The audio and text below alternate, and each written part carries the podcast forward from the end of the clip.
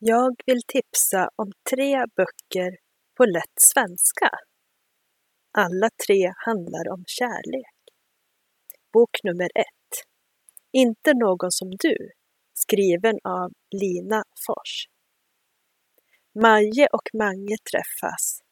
Maje demonstrerar mot rasism och hjälper andra. Mange är en rik snobb som kör runt i en Porsche de är helt olika och har ingenting gemensamt. Eller? Vad är fördomar och vad är fakta? Och kan man bli kär i en människa som man hatar? Bok nummer två. Äppelpaj med extra vaniljsås av Anneli Drusen.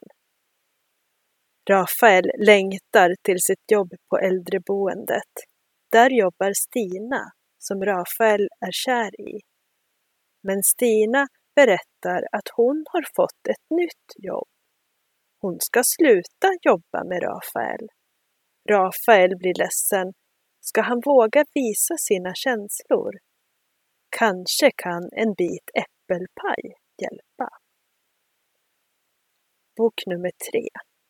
Blöta stövlar skriven av Katarina von Bredow.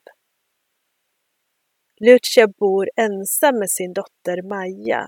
Lucia har bestämt att hon aldrig mer ska bli kär. En dag när Lucia lämnar Maja på förskolan träffar hon Erik som ska hämta sitt barn.